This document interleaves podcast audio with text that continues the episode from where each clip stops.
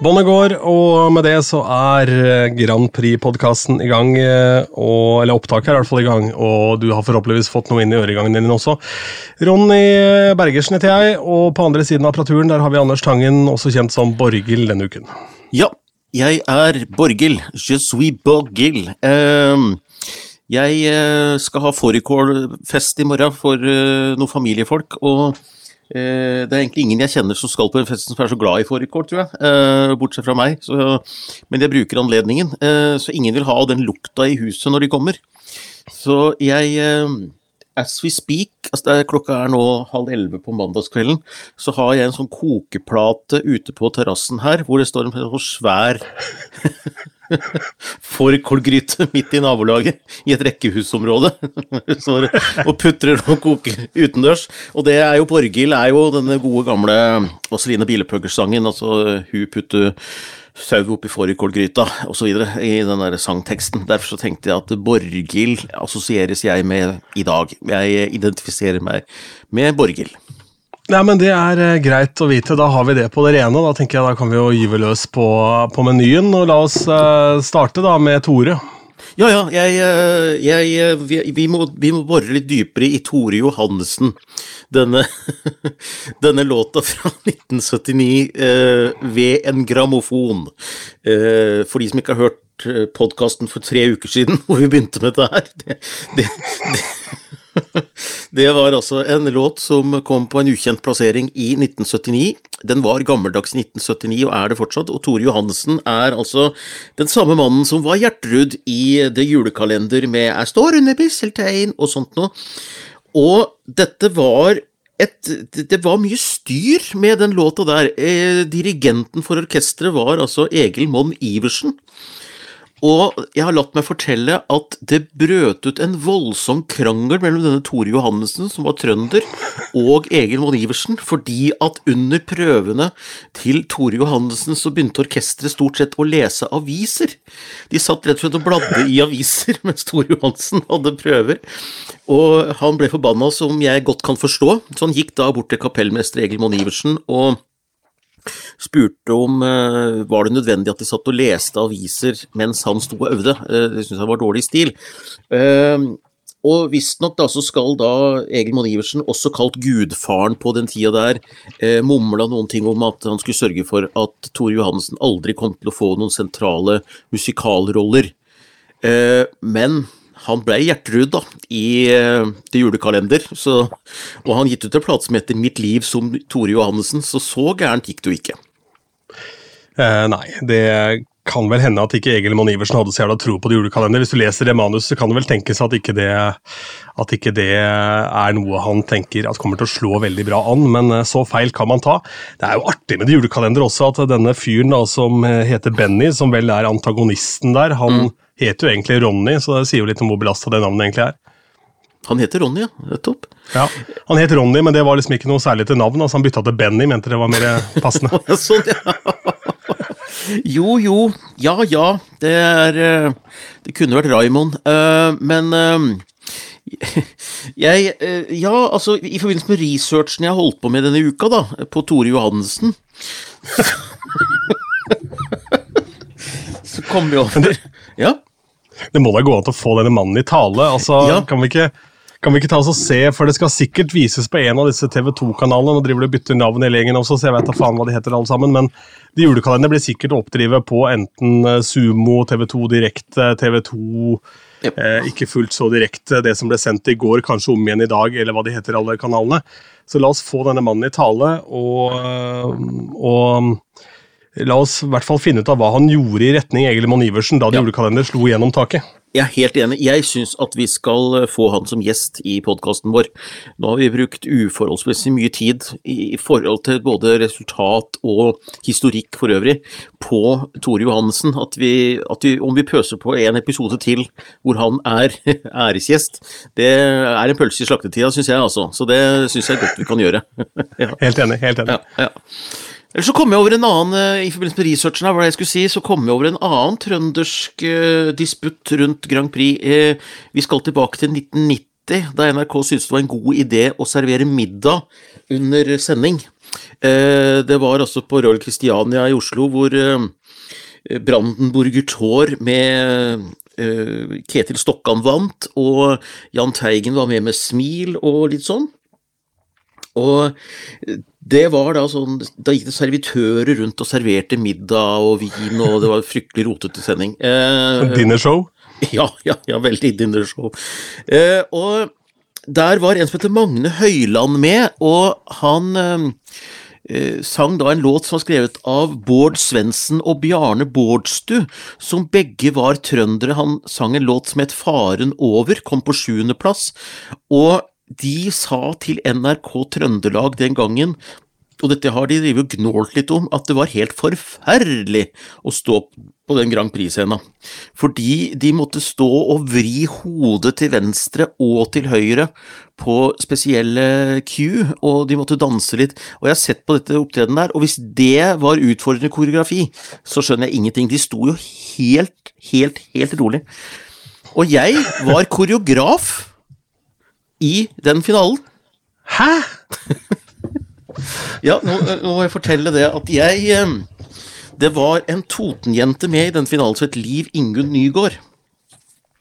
Med en sang som het En dag vil friheten seire, og jeg dekka dette her for NRK. Jeg jobbet jo i NRK i 1990, og eh, hun var jo en som virkelig skreiv ei låt, som eh, sendte inn Ung, ung jente og hun var jo veldig usikker på alt som hadde med Grand Prix å gjøre, så det var ingen som tok seg av henne, egentlig, i forhold til å gi sånne råd om staging og alt dette her. Så da har du Anders Tangen, da som bidrar med litt eh, råd og vink, og jeg hadde vel ett poeng, og det var at du må ta bort mikrofonen av og til fra munnen, sånn at de ser deg når du synger. Så dette kan folk gå inn på YouTube, og så kan de se på eh, En dag vil friheten seire, og da vil du se at Liv Inge Nygaard er veldig opptatt av å ta denne mikrofonen vekk. Så eh, det er mitt verk. Ja, du kan da f.eks. bare klikke linken under poden her. Uh, ja. Da kan du se Anders Tangens verk der, altså. En dag vil friheten seire. Jeg har vært i operaen siden sist. Se der, ja. Nå begynner kulturelle kapitalen å stige. Ja, jeg vil jo si eh, Det er jo et, et trikolår her, da. For jeg hadde jo da torsdagen, nei, fredagen, hvor jeg da først var og hadde sending på NRK med noen sånne temmelig hissige hostekuler innimellom. Så jeg var altså så stressa over å få en sånn ordentlig hostekule, for det er jo en av de mer pinlige blemmene jeg har hatt på radio i mitt liv, var jo da jeg sendte fra Jernbanetorget på Radio 1 tidlig i min karriere. Og der var det jo sånn at eh, om det var om årsaken var at man skulle ha inntrykk at alle som var på radio, hadde voldsomt stor eh, penis, eller hva det var, vet jeg ikke, men det var i hvert fall ekko på mikrofonen når man prata. Så man skulle på en måte høres veldig voldsom ut da, da man snakka i mikrofonen. Og så skulle jeg avvikle noe opplegg, eh, noe konkurransegreier, og så fikk jeg da ikke fyre av det, og så fikk jeg en hostekule samtidig. Så du hører den hostinga i ekko, bare helt sånn tørt ut i lufta fra Jernbanetorget. Det var jævlig pinlig, husker jeg. Eh, men i hvert fall eh, Det var jo da noe jeg ikke ønska å, å ta en reprise på, med unntak av det ekko som ikke fins på mikrofonen på NRK, heldigvis. Men uh, da husker jeg var veldig anstrengt og jævlig sliten da jeg var ferdig med den sendinga. Og så hadde jeg da spillejobb på Old Irish på Majorstua. Jævla god stemning på fredagen der. Og så var jeg da og kjørte 90-tallsparty i Askim på, på, lørdag. Uh, og var jo vanvittig stemning der også. Og så var jeg i operaen og så Jonas Fjell og venner på, på, på søndag. Ja, så du syns det var en god idé med hostekule å gå i operaen? Du vet hva, Det var også litt pinlig, fordi det blei eh, Jeg hadde jo tatt koronatester, så jeg visste at, det ikke var, eh, visste at det ikke var noe sånt uh, rart. Men det er klart Jeg måtte holde meg litt der til det kom noe applaus og sånn, for jeg slapp løs litt hosting der, altså. Men jeg var ikke aleine om hostinga. Så. Men det var en utrolig fin seanse. Jeg må jo si at uh, musikaliteten til Jonas Fjell den er ikke mye å utsette på. Altså, Fy fader, for et opplegg, og uh, for, for en innsikt og evne han har til å vandre i landskap som ikke nordmenn egentlig skal vandre i, i form av disse tingene han gjør med bluegrass og litt sånn country og den altså han, er jo, han er jo en amerikaner, den fyren her, rett og slett. Ja, ja, ja. ja. Og øh, han, han, har en sånn egen Altså, jeg vil si at hvis øh, Hvis jeg skulle være på et skip som var i ferd med å gå under, og, og det var panikk som liksom skulle gripe om seg, så tror jeg at selv jeg ville blitt litt rolig hvis det var Jonas Fjell som satt ved sida av meg, for jeg, jeg, jeg, jeg, kan ikke tenke meg at han er stressa på noe som helst, selv Titanic på vei mot isfjell, altså. Det var jo faktisk litt artig underveis der òg, fordi eh, han hadde en gitar som han åpenbart var veldig glad i, men som var litt sur her og der, da, så han måtte jo stemme den både titt og ofte. Og da blei det jo stille. Da ikke sant? Da sto han og stemte og holdt på, og da lente han seg stadig fram til mikrofonen og sa ja, er det ikke pinlig? Pinlig? Hæ? og det er så deilig når du påpeker sånt sjøl, ja. fordi der sitter jo publikum og venter på at ting skal komme i gang, og en gang så måtte han stoppe en låt der, og så Faen, jeg skal på TV, dette her. Jeg må ha rein gitar. Og så var det, for det er NRK filma, tror jeg, så det blir vel en eh, TV-produksjon av det. Ja, men Så deilig. Ja, men Det, det gleder jeg meg veldig til å se. Jeg, nei, jeg har alltid likt Jonas Fjell, og jeg har vel egentlig savna at han skulle bidra noe i MGP. Jeg, jeg trodde han hadde vært med, men eh, jeg, han har nok ikke det. Det var nok Ole Paus som hadde bidratt med en tekst i sin tid. Men uh, Nei, jeg har også ja. hatt litt sånn nesten-møte med Eller hatt litt sånn Grand Prix-opplevelse i dag, faktisk. Litt sånn Eurovision-stemning. Haine Totland øh, var på en konferanse jeg var på i dag, som het Insponanza. Det var forresten deilig. Jeg er vant til å stå på scenen. Dette var jo litt som at du skulle være på et DJ-arrangement og slippe å være DJ, men du kan bare nyte andres DJ eh, Så jeg satt og så ja. på foredraget i dag. Det var så deilig, det. Og det var musikalsk innslag da ved Heine Totland. Uh, han har et show nå i Bergen som heter Heine aleine med to andre. så, så, de er tre på scenen. så det er, det er Heine Totland, og så er det Karianne Kjærnes og en bassist som jeg ikke husker navnet på i fart, og beklager det, han var veldig kul. Uh, men Karianne Kjærnes var jo en av de derre klassiske Grand Prix-koristene gjennom en årrekke. Alle husker henne bak Rybak, alle husker henne bak uh, Andagassi, for eksempel, i 2008. Altså, hun er en som alltid har stått i det koret, og nå gjorde hun en fabelaktig morsom jobb sammen med Heinz Totland, hvor de drev og harselerte over den tida da norske norsk pop ikke hadde selvtillit, hvor du bare hadde coverversjoner av engelske låter, du, og det var om å gjøre å få ut den norske versjonen før originalen ble sluppet i Norge. Sånn ja, så hadde nettopp, ja. en hit på Norge. Nei, det var, det var, det var faktisk veldig, veldig morsomt, og, og, da tenkte jeg på Haine Totland, så tenkte jeg hm, tenkte jeg du skulle sunget A Monster Like Me, for det har jeg hørt at meninga var hvis han var sammen med Silje Nergård. Meninga var at A Monster Like Me, som Kjetil Mørland sang sammen med hun med denne kanelsnurra, altså Debla Scarlett, den skulle visst egentlig bli sunget av Heine Totland og Silje Nergård. Yes. Men uh, sånn ble det ikke. Det er Silje Nergård som fortalte dette i en podkast. Uh, hvorfor, hvorfor, det ikke ble så, vet jeg ikke, men uh, det hadde vært gøy. Visste du forresten hvem som er førstevalget, eller var førstevalget til, til Peter Gabriel på Don't Give Up? Jahn Teigen? Nei. Han har ikke hvassere. Det var Dolly Parton. Han hadde, hadde ønske om å synge Don't Give Up med Dolly Parton. Eh, Dolly Parton svarte ikke på Peter Gabriels henvendelse, visste vel mest trolig ikke hvem han var kanskje på den tida, eh, fordi hun var jo i sin egen boble. Eller om management ikke hadde noe oversikt over han eller et eller annet. Eh, og så ble det jo da reserveløsningen Kate Bush som fungerte ganske enestående. Det blei fint, det.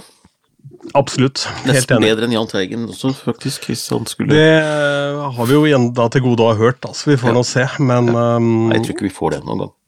Jeg tror ikke det, jeg tror ikke jeg heller, faktisk. Med mindre det fins en innspilling her og der.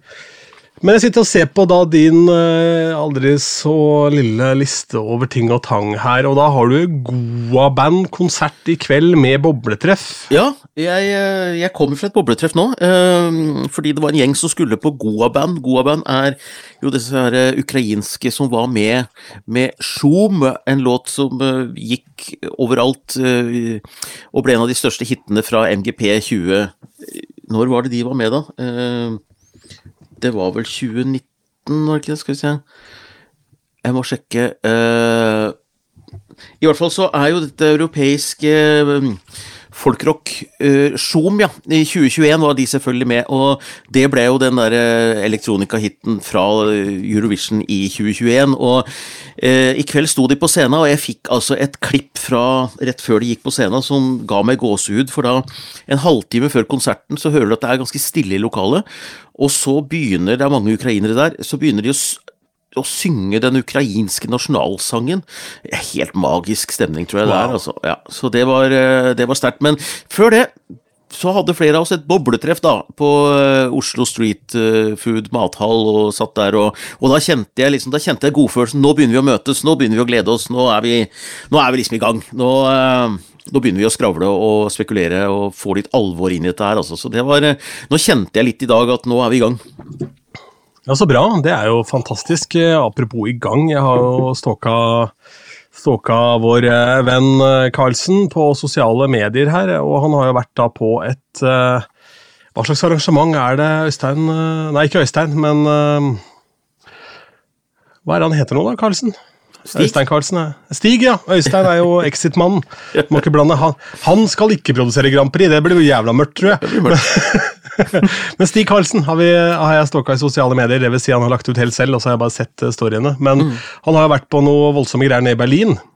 Ja, så vidt jeg har skjønt, så er dette en type workshop uh, hvor eh, delegasjonsledere Eh, tror jeg, fra alle land er invitert til å komme med ideer og bringe inn sine tanker om hvordan de kan se for seg Eurovision 2023 på godt og vondt. Og hvis jeg, hvis jeg har skjønt dette riktig, da, så er dette et litt sånt nytt grep. Uh, og det er vel kanskje en tanke ut ifra at det, det, var Ukraina som vant, de kan ikke arrangere det, så er det Storbritannia som gjør det, og så lager man en litt sånn dugnadsstemning rundt dette her, og, og, og det liker jeg. Fordi jeg husker jeg skrev en blogg om det også, at hvorfor ikke lage et slags sånn spleiselag, for Ukraina kan ikke gjøre dette her. og, og det er nesten litt sånn i den ånden her, skulle jeg tro, at eh, ja, så kan kanskje NRK bidra med det, da. Og så kan svensk TV bidra med det. Også.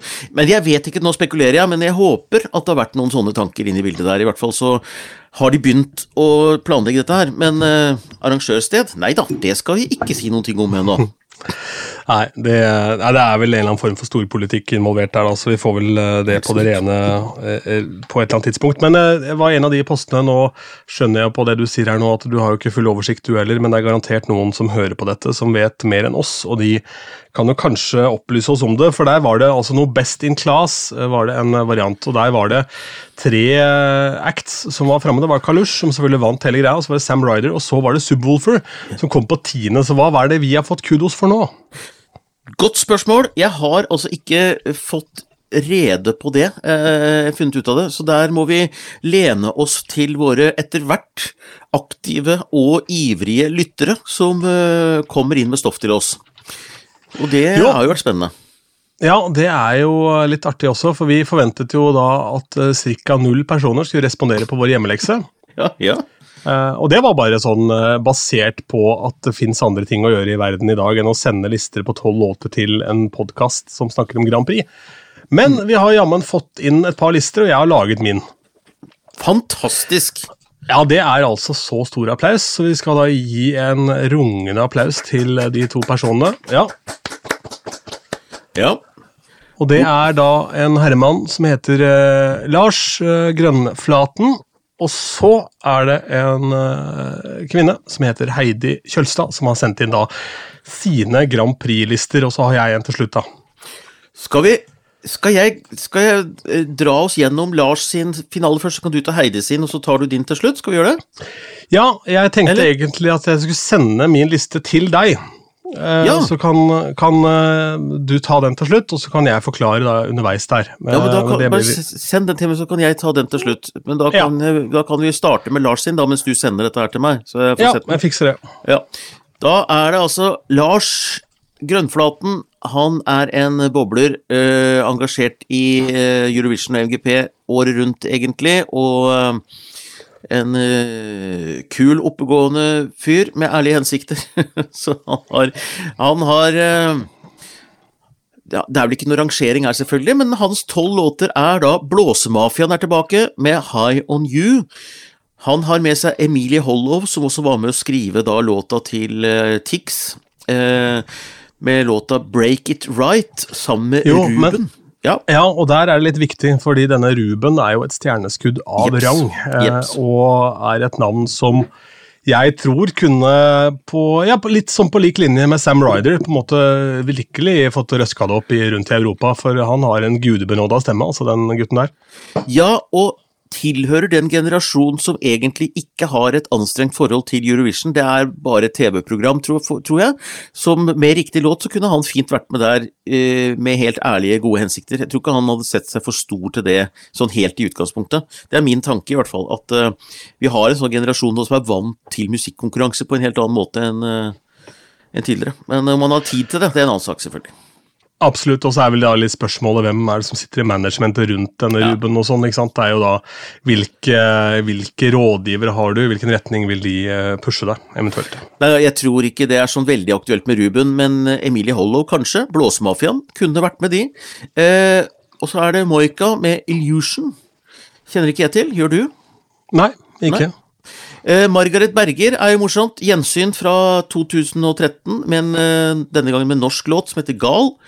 Veldig bra låt. Og Metteson er jo egentlig skuespilleren fra Den nasjonale scene i Bergen, men som har gjort popartist av seg med ekstravagante klær og kostymer og show og dans, og han er jo Eurovision på en god dag, liksom. Eh, han, ja. han kler jo dette veldig godt. Ja, og han tror jeg, ja, uten at vi skal forgripe begivenheten her, så kan jeg vel også nevne at akkurat den samme låta er å finne på min liste. Ja. For jeg tror det er et navn som dukker opp, og det er et navn som er helt riktig også der. Og ikke minst så har han jo etter hvert blitt en um, han har blitt en artist også, han har ikke bare blitt på en måte Det er ikke enda en karakter, Metteson, eh, i hans galleri. Han er vel opprinnelig fra Østfold-traktene, tror jeg, denne fyren her. Moss uh, ja, rundt der. Det kan stemme. Uh, og har gjort festivaler i sommer, og jeg syns det lydbildet er så kult. Det låter elektronisk og tøft og stilig, så jeg håper at det er noe som dukker opp der. Og jeg er ganske sikker på at han har fått en henvendelse, i hvert fall. Jeg er helt sikker på Det oser jo Eurovision av alt han gjør, egentlig. Uh, Amanda Tenfjord, All In. Det kan godt hende at Amanda Tenfjord på en god dag kunne stilt opp i MGP med en riktig låt også for Norge, for hun er jo ikke fremmed for konseptet og er da varm i trøya og ser ikke ut som hun har noe behov for å ta noe avstand fra Eurovision, så Gleder meg så voldsomt til å se henne altså på lørdag. Tenk det skal du. Ned til Aten der for å se Una Madrugada der. Det kommer til å bli helt vilt. Du skal dit sammen med de som skal spise fårikål hos meg i morgen. Bare så, bare så det er nevnt. Det er hyggelig. Ja, det blir min svoger og svigerinne som kommer i morgen. Og de reiser fra Sortland, der eh, Sivert Høyem kommer fra, for ja, å få med seg konserten. Mm. Fantastisk. Neste på lista til Lars, det er A New Beginning uh, featuring Peder Elias uh, med Keiino, da, og Peder Elias. Uh, Keiino er jo selvfølgelig alltid Eurovision-aktuelle, men jeg tror at de for sin egen del eh, har sagt at de skal ha en liten Eurovision-pause, og det tror jeg er smart, men eh, godt tenkt. Men når det er sagt, så må jeg si det sånn rent personlig, så er det det i katalogen til Keiino som virkelig har noe for seg, det har vært sangene de har gjort i Grand Prix-sammenheng. Jeg er helt enig med deg, så tror ikke jeg skal gå dypere inn i det, men jeg er helt enig. men denne Peder Elias er jo også artig. Han har jo vært på A-lista til P1 hele sommer med låta 'Good for You', som er en oh, ja, veldig fin poplåt. Så jeg tror det er en type som også da kan dukke opp også uten Keiino. Helt klart. Det, det tror jeg også. Så har vi Jens med 'Nocturnal'. Veit ikke. Kjenner ikke til det. Ja, etternavn ikke Stoltenberg. Nei, det hadde jo vært ekstra morsomt at Norge stilte med Natos generalsekretær. ja, særlig da Ukraina arrangerer midt i den konflikten vi er nå. Det hadde kom, vært litt tungt. Og så kommer Norge med Natos generalsekretær. Ja. Han må være borti der i tre uker med prøver og sånn. ja, og så har han uh, Jagland på, på kor òg, så det blir kjempeengelsk på alle fronter. Ja, jeg tror det blir veldig bra, jeg. Ja. Petter Solberg på rapp i midten. Ja, Og så har vi Jonas Gahr Støre til å være sånn poengoppleser, så blir det fest i stua. Ja. Eh, og beatbox. Beatbox. eh, det kommer til å ta tid, dette her. Eh, Lars har også med seg Emma Steinbakken, 'Hopelessly Hopeless'. Emma Steinbakken er en aktuell eh, Hun Det er Altså, vi må jo spekulere i de navnene som er kjente. Det er det som er med å spekulere og lage sånne drømmelister. Og så vet vi at det kommer artister som ingen hadde tenkt på fordi de er ukjente, og de er jo umulig for oss å spekulere i. Men Emma Steinbakken er blant de som jeg også tenker at uh, hvis hun har et ålreit avklart forhold til musikkonkurranser, så hadde hun vært høyaktuell, tenker jeg. Ja, Hun er jo ung, da, og det er jo først nå det virkelig har slått for Emma, som vel har noe sånn teaterbakgrunn, tror jeg, fra Romerike, fra Jessheim. Uh, og fikk jo for alvor gjennombruddet sitt gjennom Rådebank, uh, hvor hun tolka Hellbillies på norsk. Men så har hun jo da en popkarriere ved siden av på engelsk som går ganske bra, og har gjort det fint på festivaler og sånn i sommer, har jeg sett. Så jeg tror heller ikke at det er helt utelukka at hun kan bidra med noe der, altså. Og har jo begynt å leke med litt mer uptempo, hun også, i forhold til uh, altså, Det er jo ikke bare denne herre du glemmer meg aldri, eller jeg glemmer det aldri, tempo. Hun har jo vist at hun kan uptempo også. Absolutt, gjør veldig sånn fine poppete ting. I veldig sånn norsk eh, Jeg mangler et bedre ord, norsk popjentestil. For det er jo der, vi er jo ekstremt gode innenfor det segmentet der. Nå er det veldig gøy, syns jeg, for nå kan du se på Dette er en norsk artist. Og så kan du også se Dette er en svensk artist. Og jeg vet forskjellen med en gang. Det er, det er, på en måte, Disse norske artistene har en sånn naturlighet over seg. Ikke, ikke, da noe gærent om de svenske artistene, de er veldig artister. Mens de norske artistene er mer sånn Det er nabojenta da, som, liksom, som, står litt og synger noen sanger. Og det er litt stilig, altså. At vi har liksom dyrka den stilen. Sigrid starta det vel kanskje med Converse og eh, jeans og T-skjorte, liksom.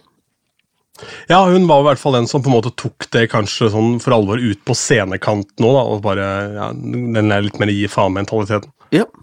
Så er det Sebastian Zalo. Eh, ikke dumt, det heller. Babylon. Eh, ikke utenkelig. Eh. Og så er spørsmålet her, da, ikke sant, fordi vi har jo da gitt noen retningslinjer på at uh, at det bør være noenlunde nye låter, men så veit vi ikke om det er på en måte låta som ligger til grunn her for det Lars har valgt å sette opp, eller om det er artisten. Eh, så her blir det jo spekulasjoner fra vår side også, men Sebastian Zalo og en artist i det segmentet kommer vi nok absolutt til å se. Eh, Babylon eh, kjenner ikke til en låta, men kjenner til han. Han fikk jo mye kudos på på Bylarm for sånn to, tre, fire år siden. Så ja. kan være helt riktig springbrett for han å være med i Melodi Grand Prix nå. Det som, for å være helt ærlig, det man må se etter for å skal se aktuelle, for, aktuelle artister for MGP, det er jo da enten at de trenger et springbrett, eller at de trenger et uh, comeback, ikke sant, eller, eller aktualisere seg. Uh, noen ganger så kan du være heldig at noen som er superaktuelle også er med, men, men de, motivasjonen deres er litt annerledes. Da må de ha en låt som gjør at de nesten er sikre på å vinne, tenker jeg. Ja. Eh, og det er mange årsaker til det også. Det er ikke nødvendigvis sånn at, eh, at eh, man må være en has-been eller Nei. må være up and coming for å være med, men det tar jo vanvittig mye tid, dette her, for det er et svært sirkus og et svært uh, apparat. Så det må jo passe inn, og da må du på en måte kunne rydde plass i timeplanen din òg. I hvert fall hvis du skal tilfredsstille fansen og gjøre sånne pre-shows og alt dette her. Altså, fordi mange kan nok sette av de tre ukene eller to ukene du er på stedet, men eh, som du sier, eh, hvis du skal gå all in, så kreves det litt mer, altså. Dagny har den satt opp, og det var derfor jeg kom på det, at eh, hun jeg er usikker på, jeg hadde ønska meg det veldig, men jeg tror hun er for svær for MGP, altså, eh, akkurat nå. Men eh, du verden hvor moro det hadde vært. Mm. Helt enig. Helt enig. Men det kan godt hende at han tenkte litt sånn som du tenkte, da, med at man ønsker en Dagny-lignende artist. Da, ja da, som på en måte er, er, i det segmentet. Det er jo ikke, vi har jo ikke bedt om en spekulasjonsliste, vi har bedt om en, en finale satt sammen. Og, og, så er det Fruen fra havet med Super Maria. Og nei, jeg syns jo at uh, han har en uh, spennende liste. Jeg savner jo litt mer reinspikka rock. Jeg savner litt folkmusikk her. Uh, og savner kanskje noe som virkelig er for de godt voksne. Eh, etter min, hvis jeg skulle lage en brei, god MGP-finale, da. Ja, jeg er enig med deg, men så tenker jeg også kanskje at Lars har uh, tatt steget dit hen og tenkt at vet du hva, nå tar vi et steg inn i framtida. Ja, det kan jo være lov å tenke det innimellom også. Absolutt. Og så er det list, lista ja. til Heidi, da. ikke sant? Ja. Og, jeg, og, jeg, må si, hvis alt dette går inn, da får vi en festkveld, altså. Fy fader. ja, det, her er det mye bra. Ja. Heidi har drømt fra øverste hylle, og det er helt i orden. Og vi fikk et hjelpenotat her også, skal jeg bare finne det i farta, så ikke jeg eh, blingser på noe her. Sånn. Uh, tillegg om artister, ja. Sånn. Uh, og det første navnet som da er på lista til Heidi, det er Eh, Cynthia eh, Versailles, eh, og hun kom til finalen i The Voice 2021, opprinnelig fra Kypros, bor i Norge. Og den låta som hun da har på lista si, som heter Jesui Melade, det var jo da en sånn blind audition. Ja da, og det, er, det, tror jeg er både realistisk og tøft og kult. Det, har vist seg før at MGP har plukka veldig mye fra The Voice, så eh, Det var jo nesten hovedsakelig artister som har plukka derfra i 2021 og delvis 2020. Mm. Så eh, dette er både innafor realistisk og tøft og kult, det. Men det er også en veldig sånn legitim uh, musikkonkurranse å være med i for artister, for det blir bedømmet på Eller ja, det blir rett og slett da, sant, dømt på, på, instrumentet ditt, da. Noe som vel er uh, givende, vil jeg tro, for uh, en artist. Og det er en god match med MGP, fordi at i The Voice så blir du bedømt på stemma di.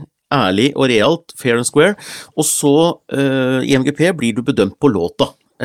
Sånn at egentlig er det perfekt match. Først får du vise fram instrumentet ditt, og så får du en låt som er laget for deg, eh, hvor du får brukt instrumentet ditt. da, I forhold til Idol, som også er en eh, slags eh, coverkonkurranse, da. I større grad så er det litt annerledes, men som er litt vanskeligere å matche. fordi du kan være veldig god coverartist, men du trenger ikke nødvendigvis ha den særegenheten som gjør at du vil ha troverdighet i MGP. Men Nei. i Voice så viser du det i større grad. Helt klart. Og en som har vist særegenhet uh, og egenart, det er jo Chris Holsten, som er neste da på lista til, uh, til Heidi. Og han har jo i, uh, på rekordtid da, altså blåst opp i atmosfæren som en av de virkelig store her til lands. skal jo nå skal ikke, fyller Spektrum nå faktisk også i høst. Um, Smil i ditt eget speil er jo en låt som har gått som en farsott, og er utrolig mye spilt. og jeg tror han er i ferd med å da innta litt sånn Dagny-posisjon som du snakka om i stad, at det kanskje Melodi Grand Prix er for svært for Chris, for det ville vært en jævla nedtur å ikke vinne, på en måte. Akkurat nå tror jeg at eh, Grand Prix er for svært, selv om han kommer jo fra Stjernekamp. Han var jo med der for tre år siden, var det vel, eh, og gjorde det veldig bra. Og denne låta 'Slå hjertet slå' er eh, verken mer avansert eller mer liksom hipp enn mye av det som er med i MGP. Det er en, det er en sånn slagerlåt, liksom, med et refreng og veldig tydelig melodi. Og det samme egentlig med 'Smil i ditt eget speil', som kunne vært skrevet av Finn Kalvik i sin tid. Så, så han har denne her P1 uh, eh, Du jobber i P1, unnskyld. Men, jo, jo, jo. Ja, ja. Og det er et kompliment, egentlig, men han har den P1-troverdigheten, samtidig som han har det appellen til det breie publikum. Han ville jo vært en drømmeartist i MGP, og jeg eh, Men jeg har vanskelig for å se at han setter av tid til det. Da må det være med en sånn låt som at han at han veit at han kommer til å vinne, og at NRK tenker at uh, vi satser på Chris Holsten i år, og så fyller vi på med 20 litt liksom ja. in intetsigende låter, ikke sant. Ja. ja. eller noe annet i hvert fall, ikke sant. Og så ja. Uh, er jeg veldig usikker nå, fordi jeg har jo booket Chris en rekke ganger til forskjellige ting, og da også to-tre ganger da han gjorde engelsk først. Uh, fordi Chris er jo signa på Warner, og de fikk jo da en kjempehit med Julie Bergan, som gjorde da Arigato. Stemmer. Og så var tanken at de skulle gå i den samme støpeskjea med Chris, da, for å skape en eh, en mannlig variant av Julia som som en sånn popstjerne på engelsk, og så ble det på en måte 360 med at han gjorde det på norsk, og det var på en måte da det virkelig smalt. da. Ja. Eh, og gjennom denne coverversjonen som han gjorde sammen med Frida Åndevik også, som uh, vant Spellemann for årets låt og det hele, som blei for mange sikkert mm. Ja, um, og som vel for mange blei selve soundtracket på pandemien, vil jeg tro. Ja. Og så, og så, er jo da Heidi eh, Hvis Chris er for stor, så får vi, se hva, hva, vi kan si om Karpe, som hun har på neste posisjon her. Det hadde vært så jævlig gøy det, hvis de gutta bare brågjorde det. Ja, det, det, som da må skje, tror jeg, det er at de ser det som en del av et slags prosjekt. Eh, et slags eh, En større tanke enn bare det å delta. Men veldig gøy. Det hadde selvfølgelig vært veldig gøy, vi, men, men, realistisk er det nok ikke. Men du verden. Heidi har jo laget en drømmeliste her. Ja. ja, ja. Men hadde det, hadde det, fått en eh, reell backlash, tror du, blant på en måte grasrotfans og sånn? Fordi det de holder på med er jo veldig rart, og det er kunstnerisk, og det er utrolig mange herr og fru Norge som ikke skjønner en dritt av disse tingene ja, ja. her, og som syns at det er snikislamisering og gud veit hva. Ja, så hadde det blitt da altså Det er jo et minefelt, da, og, det, og de liker jo sånt, eh, de gutta. da. Så. ja, nei, eh, folk må gå inn på NRK Underholdning, og så må de se på eh, hvordan Der er det parodi da på hvordan eh, Karpe lager låter. Eh, det har for alltid ødelagt eh, Karpe for meg. Det er sånn det er, ikke, det er ikke vanskelig å lage Karpe-låt, sier han Chirag da. Det er bare å finne en kronikk i Aftenposten, og så skrive, og så er det fine meninger, altså. Så, ja. Ja, det er Magdi som har talefeilen, for øvrig. Magdi som har talefeilen. Magdi. Ja. ja. Og det er Nei, men det, det, det, folk må se det. Jeg har fortsatt like stor respekt for uh, Karpe, men uh, det er fryktelig morsomt. Altså. Det, var nesten så det ødela litt en periode. Men uh, nei, jeg tror nok ikke Karpe men det er ikke så farlig. Jeg er helt Nei. enig med Heidi at det, den type låt hadde hadde vært gøy å ha med. Og så er jeg usikker på om det hadde slått an internasjonalt, men du så jo eh, Constricta, som hadde den der eh, Vaske henda-låta fra ja. Serbia i år, så du kan, du kan, treffe i den sjangeren der. Men Tyskland, som hadde litt sånn samme, men en litt døllere rappvariant, da. Eh, Riktignok kom jo nesten helt sist, så rapp har vanskelige forhold i MGP, altså. Og Ja, i hvert fall historisk. Og sangen hun har, er Kenya, da, for øvrig. Eh, mm. Og Oh Love, neste låt på lista, Emilie Nicolas. Det også er jo en uh, artist som opererer veldig i sitt eget uh, univers. Har uh, sitt lydbilde. Gjør egentlig svært lite sånn noen festivaler her og der, men, men, ikke noen sånne voldsomme lange turneer eller noe som helst. Og trives veldig godt med det, tror jeg, men kunne samtidig da kanskje først og fremst på Eurovision-scenen, altså i Melodi Grand Prix, så kunne det fort blitt litt sånn eh, at det falt imellom alle stoler, men hadde hun endt opp da med å vinne hele sulamitten, så tenker jeg i Eurovision-sammenheng så kunne det blitt en jævla kul greie med voldsom svær produksjon og mm. Og ja, veldig sånn scene Altså teatralsk, da. Ja. Jeg hadde jo uh David Herskedal, tror jeg han het, uh, sammen med Emilia Nicolas på min uh, Grand Prix-liste, fordi at jeg hadde ønska meg litt den der norske arktiske jazzen i Eurovision. Det har, jeg, det har jeg aldri sett før, men med sånn, med sånn trompetsolo og litt sånn nordlys, og jeg syns det hadde vært veldig tøft. Det hadde vært noe helt nytt, og så på den måten, så hvis hun hadde fått en sånn låt og fått lov til å stille opp med noe som er veldig veldig fint. da, sånn Om hun så kommer på tiendeplass, så vet hun fortsatt at hun har levert en veldig veldig kul låt. Så tror jeg kanskje at du, det kunne vært. Absolutt, eh, helt klart kunne det vært. Eh, det som også kunne vært enormt stas, hadde vært Morten Harket, da, selvfølgelig. Eh, ja. Han er på lista her til Heidi med låta 'Brother' fra soloalbumet som vel het 'Brother', men jeg husker i hvert fall kom for noen år tilbake, og jeg må jo si det at jeg syns både den Brother-skiva og Letter from Egypt, da, som er de soloplatene til Morten Harket som har kommet i nyere tid, har blitt litt sånn forbigått da, dessverre, for der er det jævlig mye bra popmusikk altså, eh, på de platene. Jeg er så enig, og jeg liker det faktisk nesten bedre enn a-ha. Eh, litt mer Morten får på en måte lov til å gjøre sin greie, og det blir tydeligere. og sånn, Han er litt mer eh, han har litt mer troverdighet og trøkk, akkurat som dette er noe han vil ha fram. Da. Og, og, han var jo programleder i eh, Eurovision 1996, så han er jo ikke ukjent med Eurovision-scena. Så han kan i hvert fall ikke ha prinsipiell motstand mot det, skulle jeg tro. Så, eh, og han er vel i en sånn posisjon nå, lenge siden vi har hørt noe fra han, at eh, han kunne jo komme på en sånn kul comeback-liste, han. Det, det, det, det ser ikke helt usannsynlig.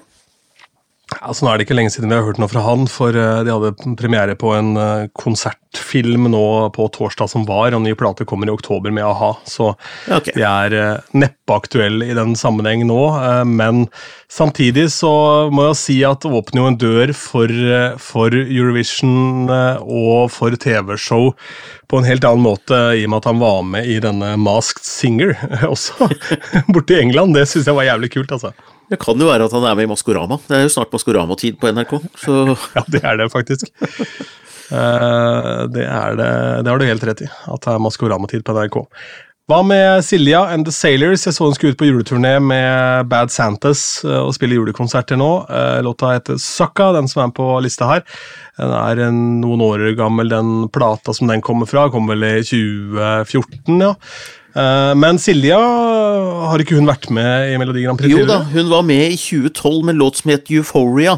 Og det var jo litt, litt sånn at veldig mange av oss ønska at hun kanskje skulle eh, være med det året, for da hadde vi hatt to Euphoria-låter. Altså, Da ville han konkurrert direkte mot Lorraine.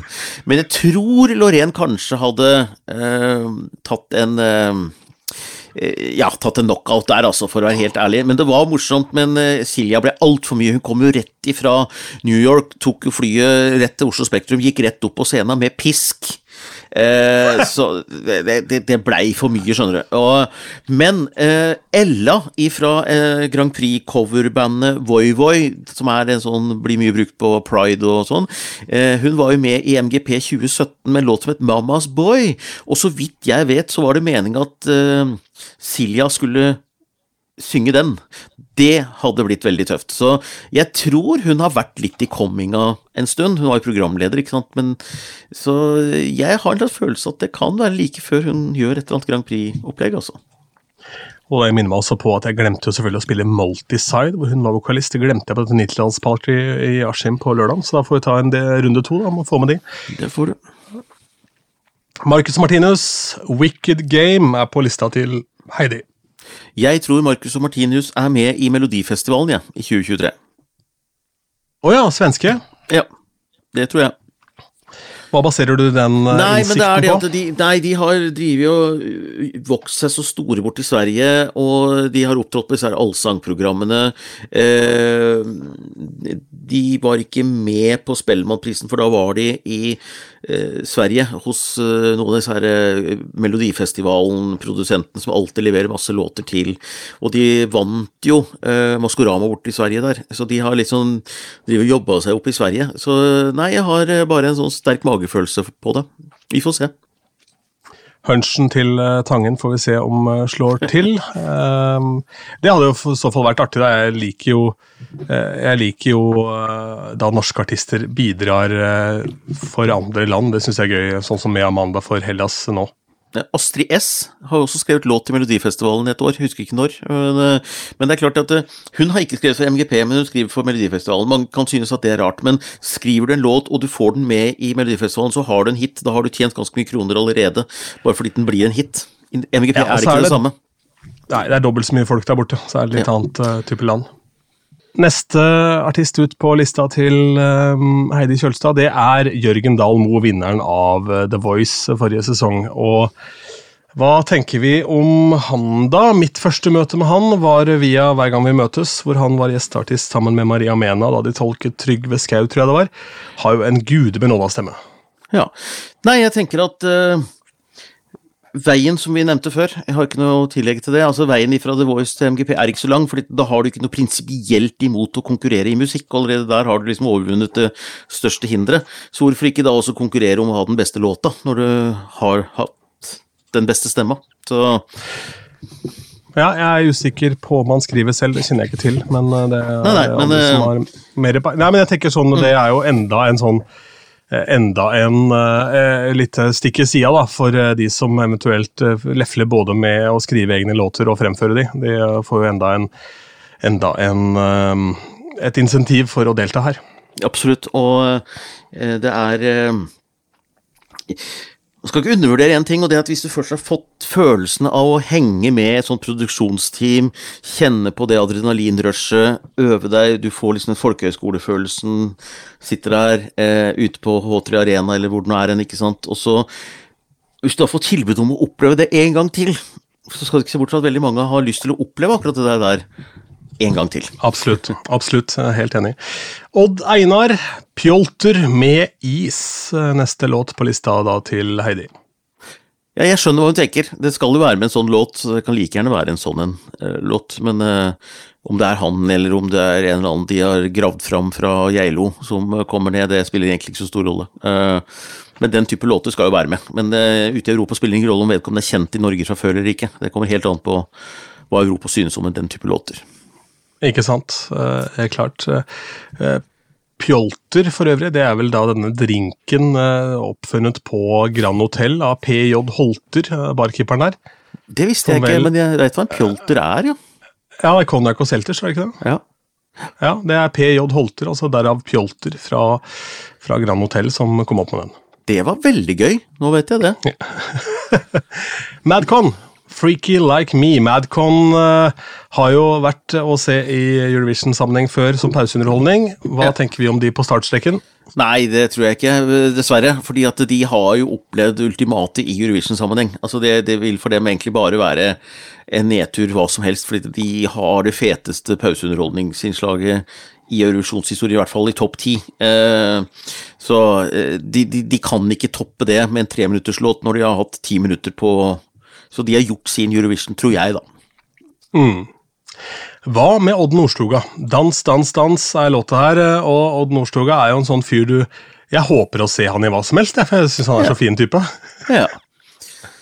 Nei øh, øh,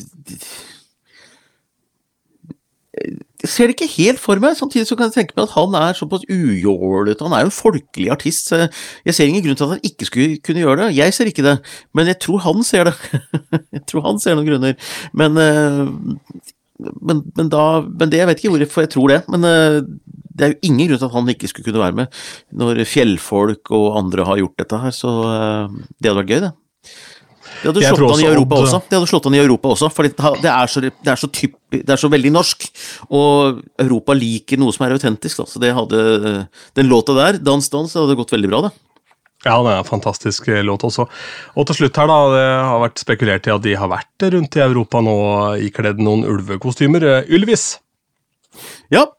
Nei, enda et år med Ylvis. Eh, kan hende at det var de som var Ja, nei, ja, nei det er eh, Jeg merker at det vi diskuterer nå, det er liksom de er aktuelle, og det har vi ikke bedt om. Vi har ikke bedt om at det skal være artister som er sannsynlige, men det er det vi spekulerer i, da. Eh, men, og når det gjelder Ylvis, så tenker jeg jo at låtskriverne deres var Stargate-gutta som var med på å skrive uh, What Does The Fox, Fox. Say? Ja. Og derfor så er det jo uh, Hvis de hadde fått med seg et sånt team, så uh, men jeg vil ikke ha med Ylvis i MGP i 2023, for jeg tenker at den kvota der med sånn den type låter, det, det, gjorde vi i fjor, så jeg vil ikke ha det i 2023 også. Eh, og det er nå meg. Men jeg må jo si at det bærer jo litt preg av at det er Tangen som henger igjen i, i gamle dager her, da, fordi Heidi har jo heller ikke tatt noe sånn voldsomt hensyn til at det skal være noe for de eldre. ikke sant? Hun har jo framoverlente ting, og det syns jeg er kult. Men øh, det som vi vel kanskje Ja, jo, kanskje du får litt av den kvota med Karpe med den Kenya-låta, men øh, det mangler jo litt Det mangler litt, litt, samisk og litt den pakka der. Her, ja. syns jeg, da ja. i ak akkurat denne lista, men samtidig, det her er jo et drømmelag. Da. Det har vært helt fantastisk. Jeg hadde syntes jævlig synd på Odd Einar, hadde jeg stått blant alle disse elleve andre. ja, eh, og, ja det, det, det, minner litt om MGP 1980. Eh, fordi at MGP 1980 så var jo alt som kunne krype og gå av eh, norske artister med, tror vi nå. ikke sant? Hør på denne lineupen her, da. Anita Skorgan, Jahn Teigen, Radka Tonev, Åge Aleksandersen, eh, Hilde Heltberg, Henning Sommero, Alex, Nina Askeland og Inger-Lise Rypdal og Mattis Hetta og Sverre Kjelsberg. Altså, det er jo i 1980 nesten som om disse her skulle vært med. Eh, i 2023, da, ikke sant, hvor bare absolutt alle var med. Eh, nå var de ikke så anerkjente og store, disse artistene, da som de har blitt senere, men det var veldig gøy, da. Eh, så det har skjedd noen ganger, det har skjedd noen ganger i MGP at liksom bare alle mann til pumpene, liksom. Det, ja. ja. Så er det spennende å se da om 2023 er året hvor det kommer til å skje. Da får vi avslutte da med min liste. Nå må jeg ja. ærlig innrømme at jeg gikk en ganske god stund og tenkte at det skulle være ti låter. Hvor jeg fikk det fra, veit jeg ikke. Og så fikk vi inn disse listene fra Heidi og Lars, og så ja, det er jo selvfølgelig tolv låter det skal være. Jeg vet ikke hvor jeg tok tolv fra, egentlig. Det er Ti er jo det vanligste i MGP-finale. Ja. Så hvorfor det ble tolv, det var bare fordi jeg lagde tolv. Du hadde tolv, ja. Så altså, var det du som starta uh, uroligheten her, ja. ja. Men uh, ta oss gjennom det, da. Du har fått min liste tilsendt. Ja. Skal vi se, den ligger altså på Hvor har du sendt den, da? På Messenger? På Messenger. Messenger. Da skal vi åpne det her. Uh, Jeg hadde glemt at Og jeg har jo da prøvd å ta litt sånn hensyn til bredden her, og så har jeg da prøvd å gjøre litt research og se da hvem som ikke har vært med før, som har vært moro om hadde vært med, av litt sånn eldre acts. Ja, jeg. Uh, det er jo litt sånn Stig ja. Karlsens tankegang, tenker jeg. Ja. Så uh, her har vi så det. Så bare ta, bare ta den lista her, Stig, og så få det på. Da har altså Ronny Bergersen vil ha med seg Lyse netter fra diskolys til midnattssol. Da må du fortelle meg litt hva det er for noe. Ja, nei, Det er jo da albumet heter det, og sangen heter Baby Do. Det er eh, altså en, ja. en uh, låt som har surra og gått på, på P1 hele sommeren, og er altså en av mine sommerfavoritter, rett og slett. Det er deilig Deilig pop fra Nord-Norge eh, med litt sånn diskosvung over seg. Jeg liker det veldig, veldig godt. Eh, og tenker også at de kunne eventuelt gjort noe på engelsk her, eh, ja. for å da appellere bedre ut i Europa. Høres jo ut som uh, ikke helt urealistisk, det, fordi de er de har skjønt at de er folkelige, på en måte. Grand Prix er folkelig. Ja. Ferdig snakka. Admiral P, hei madam. Uh, det tenker jeg. Admiral P lager jo uh, refrengsterke låter. Eh, han har vel sagt en gang at eh, Jeg tror han sa det hver gang vi møtes, at eh, det er ikke helt min greie akkurat nå, men han var vel ikke avvisende heller, så hva er tanken din? Nei, Min tanke er hvorfor har han ikke vært her før? Jeg syns det er veldig rart, fordi han er jo Han har jo ikke hatt det taket på publikum på noen år som han hadde med engel og kallenavn og hele den bagen der. Og så tenker jeg at øh, hvis ikke han eller Nico de skal inn og vise vei i vellinga, hvem skal da få opp noe norsk reggae i Melodi Grand Prix? Det blir ikke noe av det. Jeg er helt enig. Så han kan tenkes å ønske seg en sånn revival. Uh, rotløs, vakker og vill, ja. Det, sånn skal vi jo ha i MGP. Og rotløs er ikke for store, og de er ikke for små heller.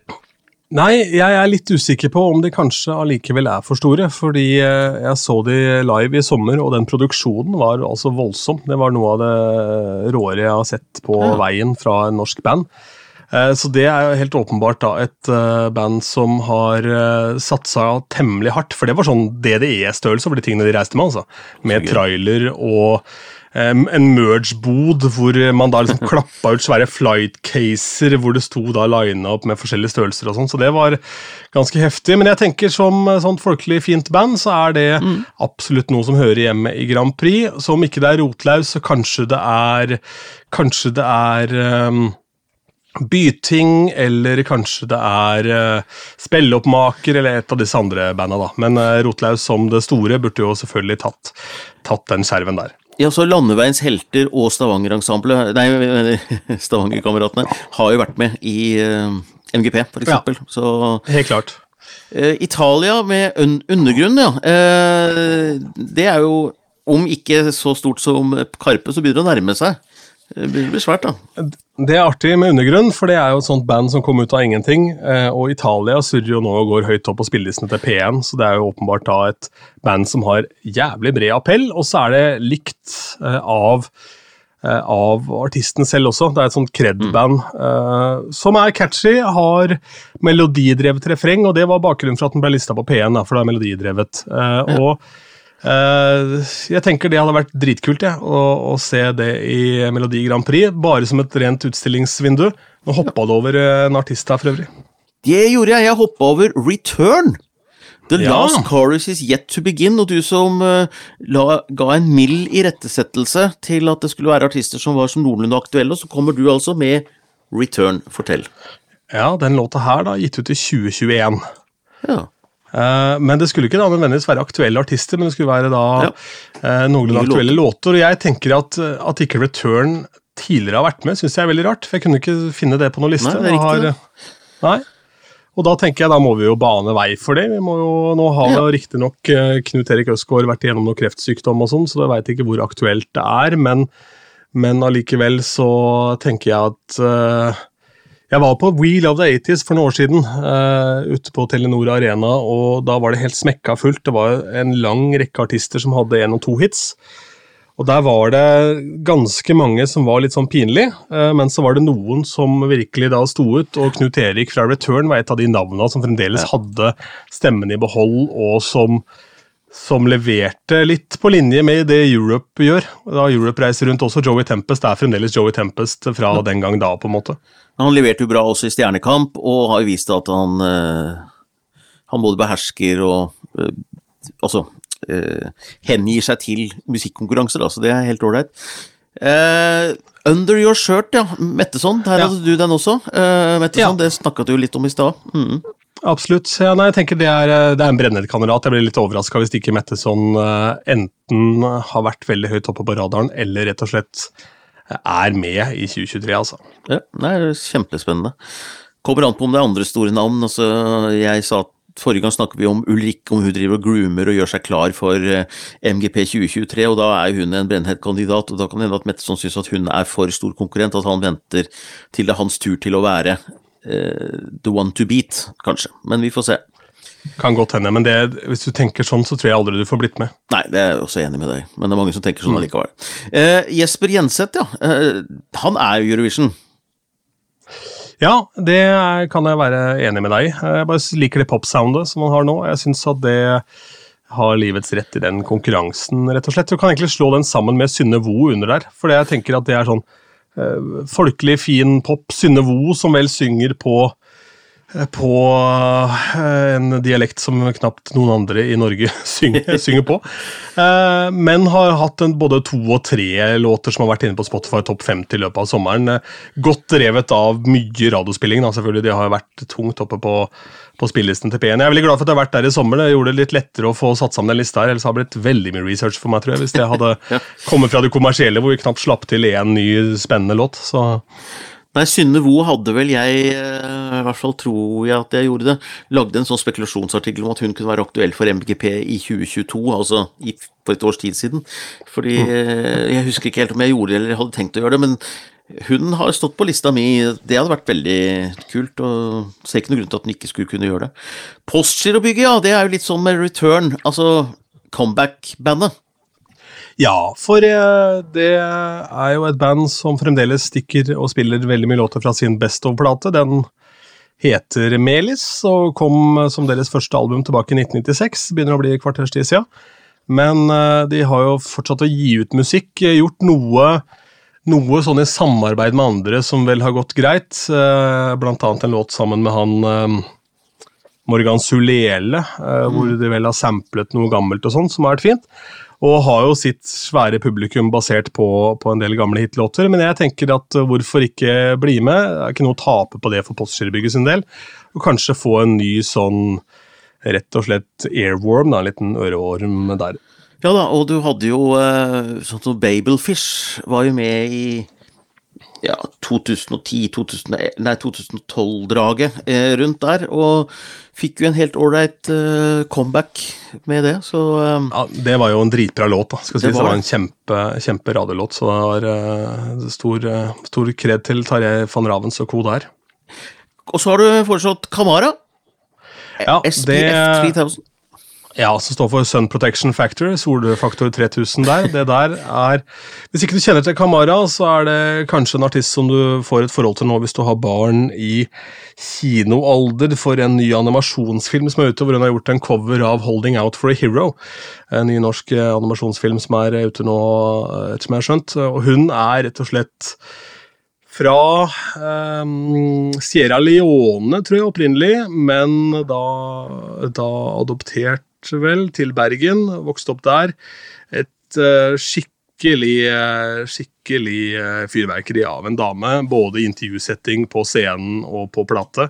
Spilte Vindfruen på Øya nå i år, og har vært, vært, på flere konserter også da i Øya-setting. Sånn, ja, rett og slett en dritkul dame som hadde vært moro å sette i, i Eurovision. Moro hvis hun har noen som kan være med og overbevise henne. Hun trenger noen venner, tror jeg, til å fortelle henne at det er kult. Kanskje hun kjenner noen som har vært med, eller noe sånt. Det hadde vært gøy. Absolutt. Og så har du da, skal vi se uh, Det ser du, Humle og Marion Ravn, ja. Ja, Det er også en låt som har surra godt i sommer. og Der er det da Humle som jeg tenker på, som kunne vært et morsomt uh, litt sånn der uh, wildcard inn der. Bare fint sånn poplydbilde. Drar vel ikke skinnet av pølsa på noe vis, men er en sånn hyggelig Uh, blir vel fort dessverre da liksom filler på plakaten, i og med at ikke det skiller seg ut i en sånn stor grad, men samtidig så kvalitetspopmusikk vil jo da få, um, få sin levetid allikevel. da. Uh, ref denne Snap-låta, da. Ja, ja. Som nå uh, viser seg å bli en av de mest strømma gjennom tidene, liksom. Ja, det er helt fantastisk. Det er, det, akkurat det er, det er helt sykt. Og så har du til slutt uh, Airi. Baiji Musas, ja, som ja. betyr um, rooftop, da, eller uh, hustak, eller på, på toppen. Uh, det er da samiske alibiet uh, hos meg, da. Litt sånn usikker på om den var med i Sami Grand Prix eller ikke, men det er også en låt som har surra gått veldig mye på spillelistene til P1 i sommer, og som er litt sånn elektronika-inspirert, og rett og slett Ja, det er dritbra.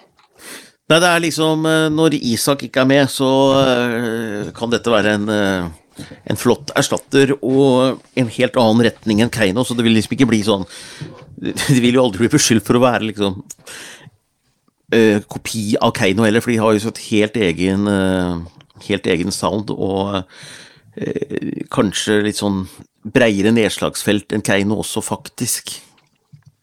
Det kommer vel litt an, på hvordan man ser det. da. Det skal jo sies at den den um, Nå har jeg jo glemt navnet på den også. Første låta Keiino deltok med. Ja, ja, ja, 'Spirit in the Sky'. Ja, ja ikke sant. Det, det, var jo I sin tid så var jo den låta helt fantastisk. Det, ja, ja. Og den tok jo på en måte sånn lydbildet var rundt eh, Veldig på kornet, samtidig som den hadde da de der eh, grepene med joiken der som var mm. jævla stilig. da.